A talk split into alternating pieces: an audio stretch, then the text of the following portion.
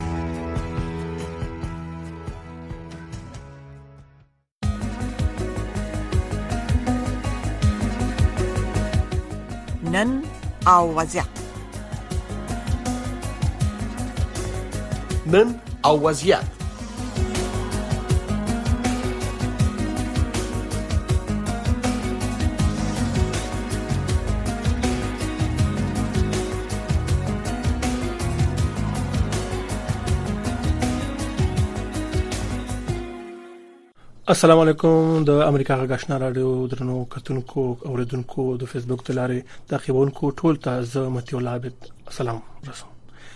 نن او وضعیت خبرونه ده د خبرونه په پیل کې به لومړی یو خبري رپورت ولرو روسته به منګه موضوع لرو چې نن د فبرवरी 20 مه د مورنۍ ژبې نړیواله ورځ ده په دې مناسبت به د خپل ملمه سره خبرې کوو نو د خبرونه پیل کې زموږ د خبريال اکرام شنوار ریپورت دی وایي چې د اروپאי ټولنې د بهرنی چارو لوړپوړي استاذي جوزف بوریل ویل دي چې طالبان په افغانستان کې د مرستې رسونې په چارو کې له کار څخه د خزو په منع کولو جنسیتي تبعیض رامنځته کوي، خو اروپايي ټولنې دغه چارواکي دا هم ویلي دي چې د افغانانو په ځانګړي ډول د ښځو د کړاوونو د لا زیاتېدو د مخنیوي لپاره د مخنیوي لپاره به دغه هیواد سره د ټولنې مرستې دوام لري نور تفصیل اکرام شینوار نه اخلو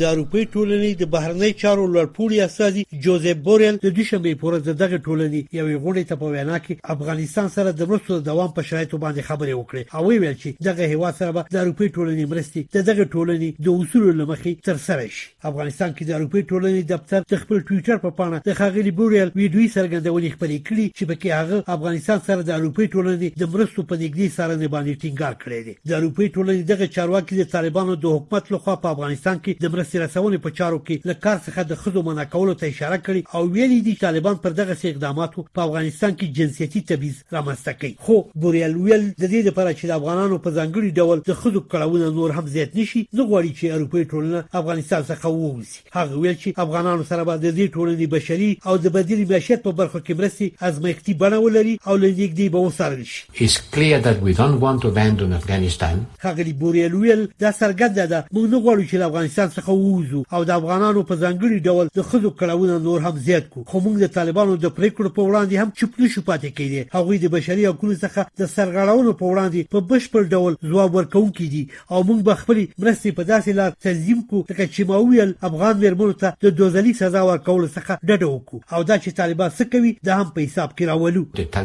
د اروپي ټولنې د بهرنیو چارو دغه لوړ پوړي چارواکي د ملګرو ملتونو د عمومي منشي د مرستیالې مېرمن امینه محمد سره د افغانستان د وضعیت په اړه د خپلو خبرو یادونه هم وکړه او ویل چې افغانستان سره به د اروپي ټولنې مرستې د تبعیض پرته د دغه ټولنې د اصولو له مخې دوام ومومي. د طالبانو حکومت د تېر میلادي کال په وروستۍ اونۍ کې په دوه جلا پرېکړو کې ښځې او انجونې په پوهنتونونو کې د زده کړو بندې کړې او هم یې په غیر دولتي موسسو کې د ښځو پر کار بندیز ولګوه. د طالبانو حکومت د شپږم ټولګي څخه پورته ټولګیو کې د انجونو پر زده کړو له وړاندې بندیز لګولی دی. د ملګرو ملتونو د عمومي منشي مرستیالې مېرمن امینه محمد د طالبانو د حکومت له چارواکو سره په دغو مسلو د خبرو لپاره د ملګرو ملتونو د یو لوړ پوړي پلاوي په مشرۍ تېره میاشت افغانستان ته سفر کړی و. سیاسي چارو یو کارپوه محمد حسن حقیار وایي چې افغانستان د ډیرو ستونزو سره مخ دی او نړۍ باید افغانان په دغسې سخت وضعیت کې ځان ته پرېنږدي. نه یوازې د اروپايي اتحادیې بانک د امریکا او د نورو نړۍ مرستې هم ورته اړینې دي او په عین وخت کې د امارت سره باید مذاکرې خبرې اترې مفهمي هم باید روانې وي. د نړۍ د غوښتنو د پاره د د امارت د چارواکو سره خبرې اترې دا هم اړینې دي. خو د ښځو د حقونو ځینې فعالانې وایي چې په افغانستان کې د ښځو د وضعیت په وړاندې نړیواله ټولنه هم مسؤله ده او دا ټولنه کولای شي پر طالبانو باندې د مختلفو لارو په فشار سره د ښځو په وړاندې پرتو خنډونو په لرې کولو کې مرسته وکړي. د ښځو د حقونو یوې فعالې میرمن مولوده توانا امریکا غږ ته وویل چې افغانستان کې په ټولنه کې په سیستماتیک ډول د ښځو څنډې کولو له دوام سره سره نړۍ په دې برخه کې تر اوسه کوم جدي اقدام نه دی کړی. به اولین بار هم نیست که ما از آدرس و استیجای بینالمللی در ارتباط به حمایت از زنان افغانستان پیام ها می داشته باشیم در حالی که امروز دنیا شاهد حذف سیستماتیک و حذف عمومی زنان از صحنه سیاست، اجتماع و هنر و فرهنگ است. با وصف امی مشکلات متاسفانه دنیا اقدام جدی در قبال زنای افغانستان نداشته ما در بدترین و شدیدترین وضعیت حقوق بشری به سر میبریم د ښځو د حقونو یو بل فعاله شیبه روفي په دې باور ده تر هغې چې په دولتي ادارو کې مسلکي مامورینو زیه نه وي نیولی د ښځو د حقونو د سرغاړولو مخه نشي نیول کېدلی. مقاومت به انواع مختلف د افغانستان ایجاد میشه و ای کشور جنګ زده همین قسم جنګ زده بخواد باقی. د طالبانو حکومت د اروپايي ټولنې د بهرنیو چارو لوړپوړي چارواکي څرګندونو ته لا غبرګون نه دی ښودلی، خو د طالبانو حکومت په پرلهپسې ډول ویلي چې د اسلامي اصولو او اسلامي شریعت په چوکاټ کې د ښځو ټولو حقونو ته دا حکومت ځان پابند ګڼي او هڅه کوي چې د ښځو د تعلیم په ګډون ټولو مسلو ته د اسلامي اصولو پر اساس د حل لار ومومي. طالبانو د افغانستان له دننه د امریکا غاټ راډیو خبرونه درولې دي خو امریکا غاټ په پوره شمنتي خپل افغان اوریدونکو ته په پښتو او دری ژبه د کره باوري او هررخیزو خبرونو په خبرولو د افغانستان له بهره په نهه سوه او دوه اویا کیلو هرتز منځنیو څپو خپلو خپرونو ته دوام ورکړئ. د دې ترڅنګ تاسو کولی شئ چې زموږ پښتو خپرونې په لنډو څپو هم واورئ. پښتو سهارنۍ خبری خبرونه پر 2290.0 څپو اوریدل شي. ما خبرنۍ پښتو خبرونه په 12140.0 12015.0 9815.0 14590.0 میگا هرتز لاندو چپو اوریدل شي سپینه خبره یا رکو راس خبرونه په لاندو چپو 2015.0 میگا هرتز د نن او وضعیت یا روایت امروز خبرونه پر لاندو چپو 2041.0 9915.0 2015.0 او ساسه غټ یا صداي شما خبرونه پر لاندو چپو 2015.0 نهه زره درې سوه پنځه پنځوس مېګا هرټز اورېدلی شئ. د امریکا غږ آشنا رادیو درنو اوردونکو او د فیسبوک د لارې کتونکو تاسو رپورت واورید او بیرته راځو خپل د نن ورځې موضوع ته چې هغه د فبرورۍ 28مه د مورنۍ ژبې نړیواله ورځ ده او په دې موضوع د خبرو لپاره مونږه د پښتو ژبې لیکوال شاعر ځوان خاغلی استاد محبوب شاه محبوب صاحب ملما کړی دی چې هغه موږ سره په دې موضوع باندې خپل خیالات شریکي استاد محترم محبوب شاه محبوب صاحب سړي مشي صاحب سلامونه ابي سر تاسو ته او د رادیو د سپول لاري ټول درنو او دونکو ته خې چاري رادیو کې ټول بخي ډېر مننه دا غورس چې تاسو په ذهن کې راځي تاسو اوري سه احساس کوي د یو پښتون لیکوال او شاعر او ادیب په توګه که څه هم له شالي د دغه ورځې تیر شو چې هغه ډیرو غد باس دی ولې کله چې د مورنۍ ژبې د ورځ په اړه خبره راځي یا د مورنۍ ژبو په مورنۍ ژبو د زده کړې د حق په اړه باس راځي نو مات بیا میلیونونه هغه پښتانه سترګو ته دري چې هغه د اوس د د پښتو ژبه یا په خپل مورنۍ ژبه د زده کړې حق نه لري هغه که د ډیورند له پولي ښکته پراته دي او که د ډیورند له پولي پورته پراته دي بدبختانه په دغه سیمه کې نه یوازې د پښتانه بلکې نورستانیان اوزبکان کوردان بلوچان او د تورته نور داسې کوچني قومونه شته چې هغه په خپل مورنۍ ژبه د زده کړې حق نه لري او د دغه ورځې د ټاکنې یو علت او یو دلیل هم همدا و چې کله لاغه وخت ورسته چې کله په بنگلاديش کې مظاهره وشوي او په 2010 کال کې یونسکو دا ورځ د مورنۍ ژبو د نړیوال ورځ په توګه ونوموله لامغه وخت یو یو دلیل دا و چې په دغه ورځ به خلک کینی بحثونه وکړي د خپل ژبې په اړه او خپلو حاکمانو خپلو حکومتونو ته به وایي چې موږ ته په خپلې مورنۍ ژبې د زده کړې حق راکړي بدبختانه دا د سند یوازې د پښتنو او د د سیمې د اوسیدونکو نه ده تقریبا له 40% زیات د ټولي دنیا وګړي په خپلې مورنۍ ژبې د زده کړې حق نه لري او همدا د چې چې که څوک په مورنۍ ژبه د زده کړې حق نه لري د په دې معنی چې خپل لومړنی انساني حق له لاس ورکړي صحیح دلته کرا شو دغه د ورځې د منځلو خبره کوو کو نن ټول نړۍ کې د خبرې کېږي هر څوک د خپل مورنۍ ژبه په حساب غږ پورته کوي منځلې فائدہ کوي ګټه رسي خلکو ذهنیتونو په عام اولو کې کوشش کوي بالکل کچېری وګورو کومه معمولا د افغانستان پاکستان دغه ورستي شل کلن یا دوه ویشت کلن تاریخ ته وګورو په مورنۍ ژبه د زده کړې د حق مسأله کچېرته د بحثونو خبرې شنو د 2014 14 15 دغه کلونو کې د بحث راپورته شو چې موږ په مورنۍ ژبه د زده کړې حق لرو دغه بحثونو هم افغانستان ته ګټه کړې هم زموږ پښتون میشتو سیمو ته ګټه کړې او هم که تاسو وګورئ زه معمولا د افغانستان مثال نو د خاطر ور کوم چې زموږ ساسي ټولنه د ژوندۍ مثالونه یالته وینو موږ په 2000 او 15 کال کې په کابل کې بد پښتانه خوانځي نه لرل چې پښتانه د کوونکو په کې ځکیو کې هم دغه بحثونه و چې حکومت مجبور شو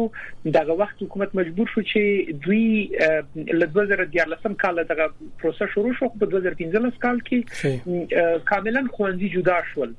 خوندي جدا نشول البته صنفونه جدا شول هغه د کوم کې چې وي پښتانه او غوته په پښتنو په پښتو ژبه د ذکر حق ورک هغه چې د ریجبي او غوته په دری ژبه د ذکر حق ورک او او د شنده پروسه ورو ورو مخ په وړاندې روان شو یعنی کته ډیره ده او اړتیا ده چې په په دغه ورځې باسنو وشي نن په رپورټونو کې یو برخه کې منګه ووردل چې په ځینو برخو کې د پیښور یا نورو په مکتبونو کې شاګردان ته ویل کیږي چې پښتو په خپل منځو کې نه وایستي حتی که څوک وي نو جرمانه جریمه به ورکړي دغه سي غواخونه تاسو احساسوي په بل نور شکلونه کې هم شته چې خلک خپل مورنۍ ژبه د ویلو نه او د ترویج نه منې کیږي بدبختانه دغه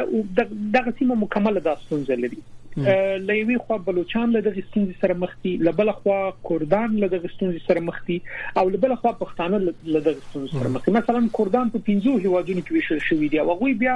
دومره تر فشار لاندې نیول شوې دي چې غوي تم دا ویل کیږي تاسو په خپل مورنۍ ژبه خبرې نشئ کولای تاسو مجبور یئ چې د مغه هیواد رسمي ژبه وایي همدارنګه په کوزي پښتونخوا کې هلته هم دغه ستونزه ده هغه ته هم ویل کیږي چې تاسو په مورنۍ ژبه خبرې نه کوي او رسمي ژبه ته اردو د اردو ژبه بوای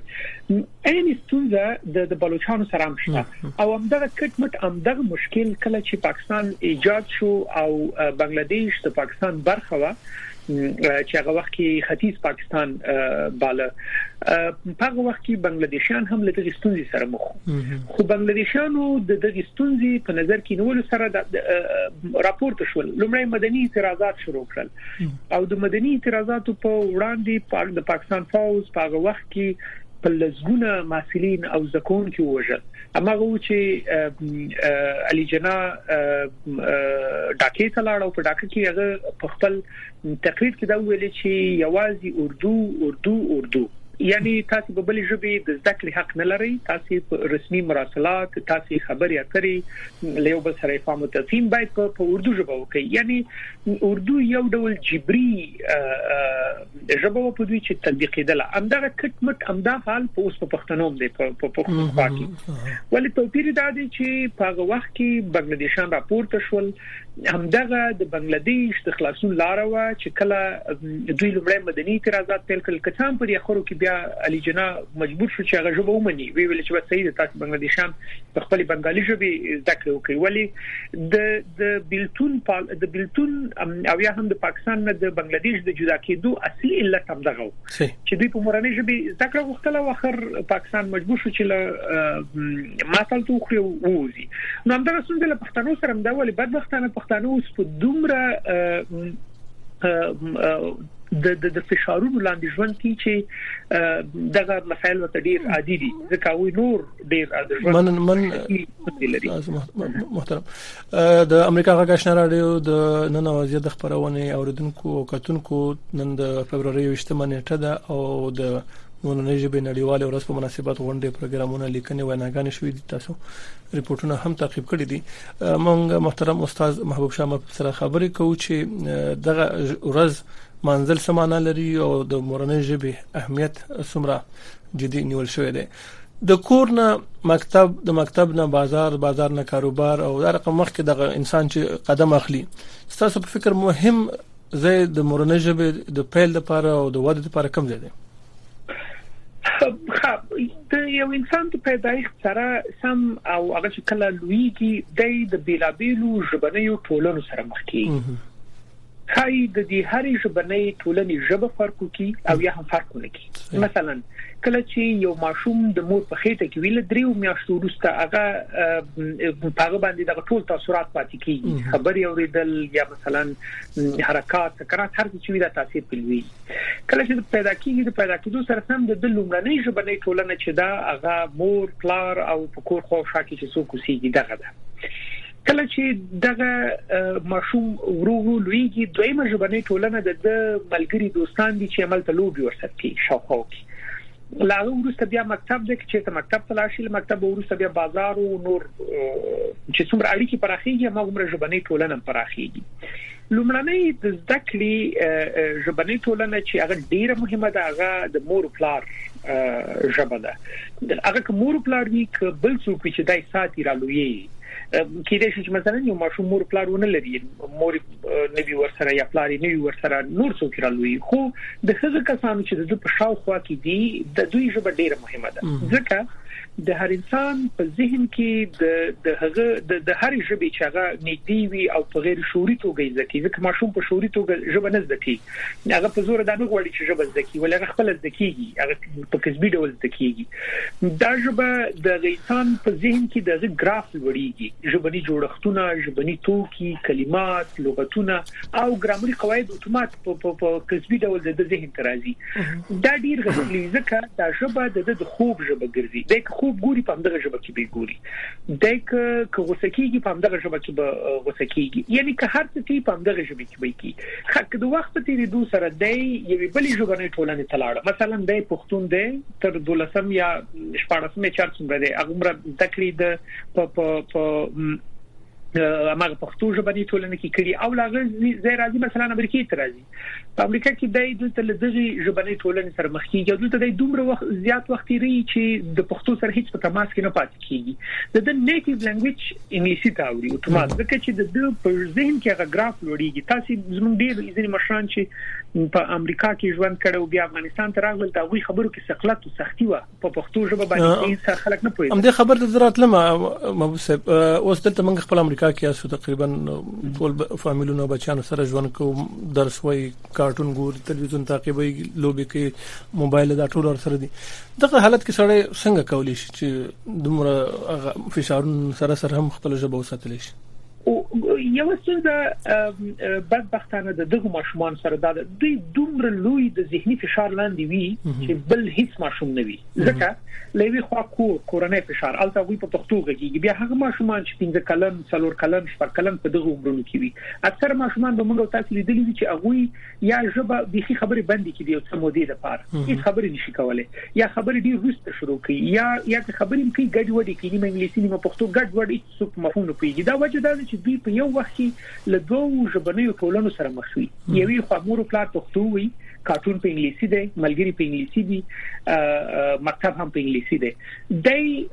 دغه کیږي د کنفیوز کیږي چې څوکي مثلا د کور راکړه ورکړه مثلا جام کاسه ګلاس دا شی په پښتو دی د مور غوسه په پښتو ده د پلار مینه په پښتو ده ولې الته د مکتب کې بیا انګلیسي د دې یو یو یو ګنس حالت سره مخ کیږي په دغه شان حالت کې اړتیا ده هغه ماشومان چې مثلا له څلورو کلونی عمر زیاتیږي کوشش باید دا وشي چې د دوی سره ډیر احتیاط کار واخیستل شي هدا اقل د ژبنۍ ټولنې په دوو برخو ویشل شي 50 50 شي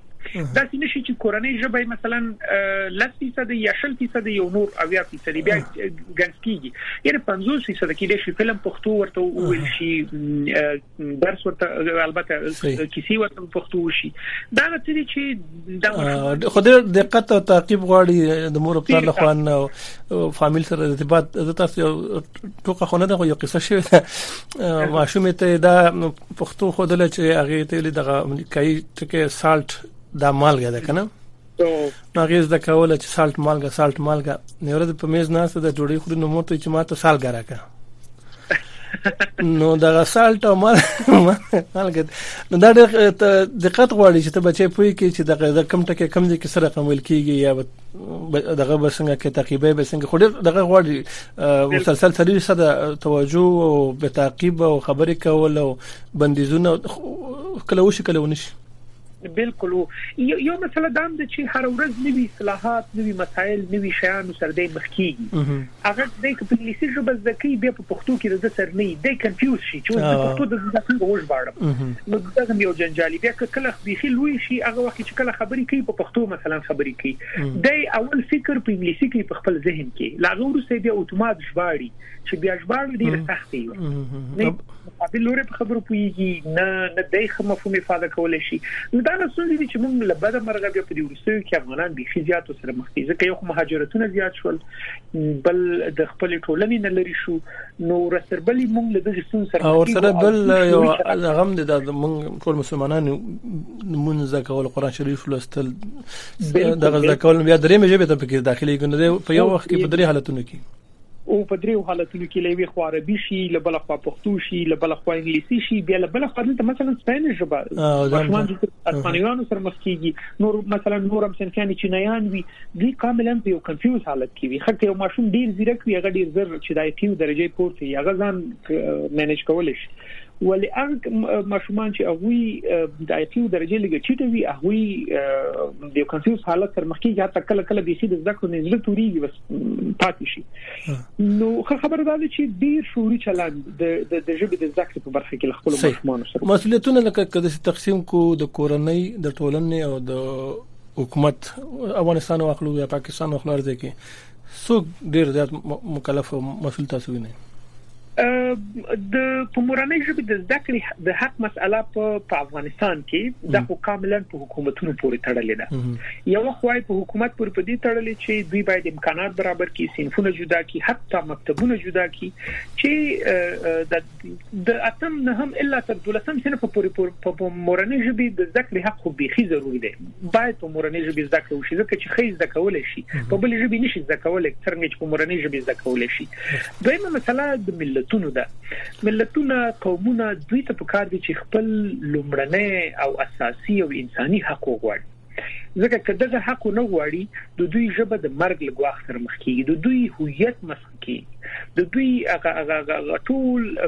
د ژبنې تاریخ او هویتي تاریخ لمنځه دي نو د خپل هویتي تاریخونو د خپل ژبنې تاریخونو او د خپل فرهنګ ځکه چې ژبه خو کدو برخو ته واړو یو خود سي د لکه اردو چې جوړه شوې ده یو هغه چې زموږ هویت او فرهنګ ورته تړلې هغه پښتو ژبه ده یا مثلا فارسی دری ژبه ده یا یا مثلا بلوچی ده دا هغه ژبه دي چې کچیرته ژبه مسخ کیږي که ژبه لمنځي فرهنګ هم وسره ختميږي فرهنګ هم وسره لمنځي نو د خپل فرهنګونو او هویتونو د ساتلو لپاره اړتیا ده چې چې خپل حق وغواړي اوس په کوزي پښتونخوا کې د پښتنو سید چې ډیر زیات نور مشکلات هم لري الته وی د په اوس کې مثلا د د ترهګرۍ د غږ ښکار دي که څنګه بر پښتانه هم داسې دي ولی د دغه ټول مسایلو سره سره چې یو تر ټولو لوی مشکل سره غوي مخ دي هغه د د د مورنۍ ژبې د زده کړې له حق محروم دي تاسو اوس وګورئ البته د ځینې رسنۍ ز تعقیبوم ما بل ورځ یو چا سره بحث باندې کوو او او هغه په پښتو ما سره مرکه کوله نو ما غته وویل مې تاسو خبرونه پوهیږم یو واری مې ورته ویل بیا مې ورته ما ته ویل خو زه پښتو غږیږم پښتو غږیږم ما ورته ویل چې اصلي مسله دا ده چې ته یو کلمه پښتو وای دوه اردو وای پنځه انګلیسي پکې وای او قواعد د پښتو دي نو زه نه پوه نشم چې ستا هدف له څه شي دی نو تاسو وګورئ د الته ژبه ورځ تر بلې د ګډو لکېدو په طرف روانه ده پښتو ژبه خپل ماهیت له لاس ورکړي نو د دې لپاره چې د ژبې ماهیت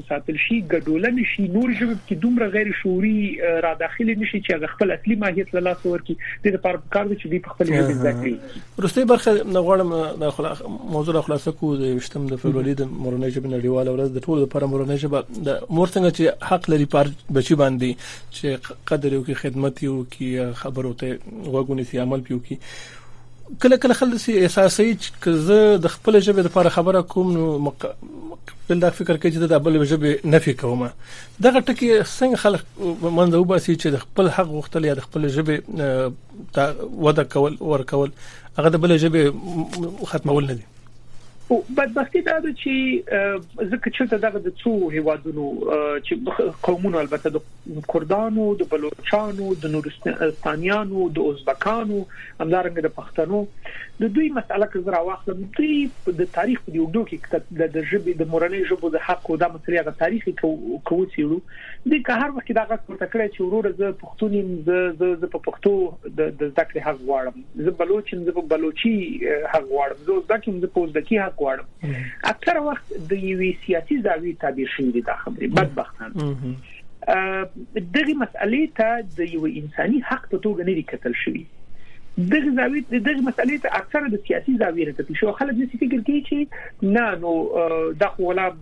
بلتون غواړي د غواړي چې یو ګډوډي جوړ کړي د غواړي چې مثلا افغانستان ټوټه کې پاکستان ټوټه کې ایران ټوټه کې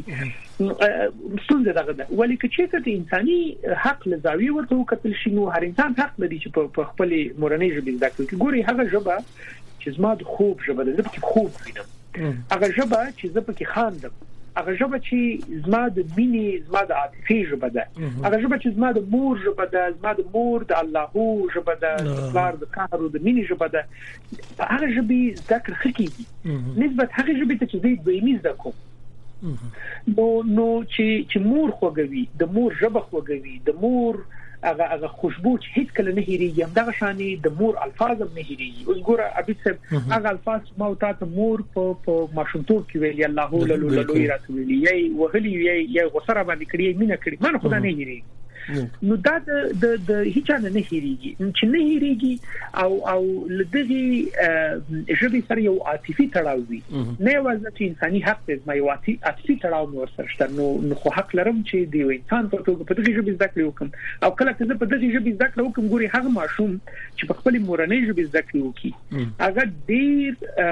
ډیر ښه خستنه کوي نسبت هغه ماشوم چې هغه په دویمه ژبه زده کړې وکي هغه ډیر ښه فصیح او بلیغ راځي چې نسبت هغه ته چې هغه په بل ژبه زده کړې کوي هغه ماشوم چې چې په مورنۍ ژبه زده کړه کوي هغه نور ژبه هم هم خه زده کول شي هغه ماشوم ګوري د یو کاناډي ژبو نظریه دا وایي چې هغه ماشوم چې د هغه مورنۍ ژبه خزدي خیز د کړي او په اسانۍ زده کړي هغه ماشوم نور ژبه په اسانۍ زده کولی شي زموږ کله کله کور کې بچیانو سره دا خبره کوم چې تاسو چې څومره زیات ژبه زده کوي هغه چې موږ دا پښتو ولې زده کو یا وی وایو چې وطن ته نزو یا ټول ژوند امریکا کې دی کنه نو ته دا وایم چې څومره چې د ژبې زده ستا فکر ساحه فراخيږي ته د پښتنو د کلچر نه خبرېږي پښتو ته تاریخ نه خبرېږي نظام باندې خپويږي پارسه پويږي سو کجبه د یوز دی نو مغه یوې ژبه کلچر او اقتصاد هغه پر دغه محدودي ډېر ژبې زده کول سره جاتې کنه نو استاد د خبرې په تایید دغه ماشومان ګرام نه دي دا ګرام په دې نه دي چې دوی فکر کوي چې ښه ځکه دا ماشومان خو ډیر سمارټ خلک دي ډیر پوي په دې ټول مسایل ټول خواوي سنجي دوی چې ښه زه پښتو زده کوم پښتو نه د ډوډۍ ژبه ده ځکه ما ته ډوډۍ نه ده خبره او پښتو نه د علم ژبه ده ځکه نوې نوې علم پکې نه راپور پیدا کیږي مثلا پښتو یا دری د سیاست ژبه زما د پاره نه ځکه زه دلته یم هغه ته چې هغه یا شکی کیږي ولی اړتیا دا ده چې د تاکي کوم خبره ورته کړی دغه ډیر لوی خ دلیل کېدې شي چې ته د وی ژبه په وسیله کېدې شي چې د ژبه فرهنګ دکی د ژبه د د اصول او د هویت او د تاریخ نه خبر شي د خپل تاریخ نه خبر شي یعنی که د بحث ورته د سیاست د ډوډۍ کوو نو هغه په ډیر سر نه خوږیږي کوي چې ورور زه علمي ژبه ده زه په انګلیسي باندې پوهیږم ولی که فرهنګ او تاریخ او هویت یې راولو نو بیا بیا غوي مجبوري شي ژبه زده کی د دغه ډول ماشومان لپاره چې دلته دي دوی ته نو په کار ده چې د هویت او د فرهنګ دلیل ورته وړاندې کو او که په افغانستان کې دی هغه ته باید سیاست او ډوډۍ او علم او دا شیان ورته مخته کونو زه زه فکر کوم چې ژبه به پاسانه زده کی ډیر ډیر من محترم استاد محبوب شاه محبوب صاحب خپل وخت نه چراغ له په خاص مناسبت د مورنۍ ژبې نړیوال ورځ په مناسبت په خیالات شریک کړ کور مدان راتګ مو ډیره مننه به چې خیر درنو اردوونکو زموږ خبرونه هم پرم دې د پاتې رسیدي د نه پس د تاریخ خبرونه شروع کیږي هغه ته منتظر اوسئ روایت امروز نجيبه خلیل قربانه ده او خپل موضوع ملمنې سره به ملمنې سره به حاضر شي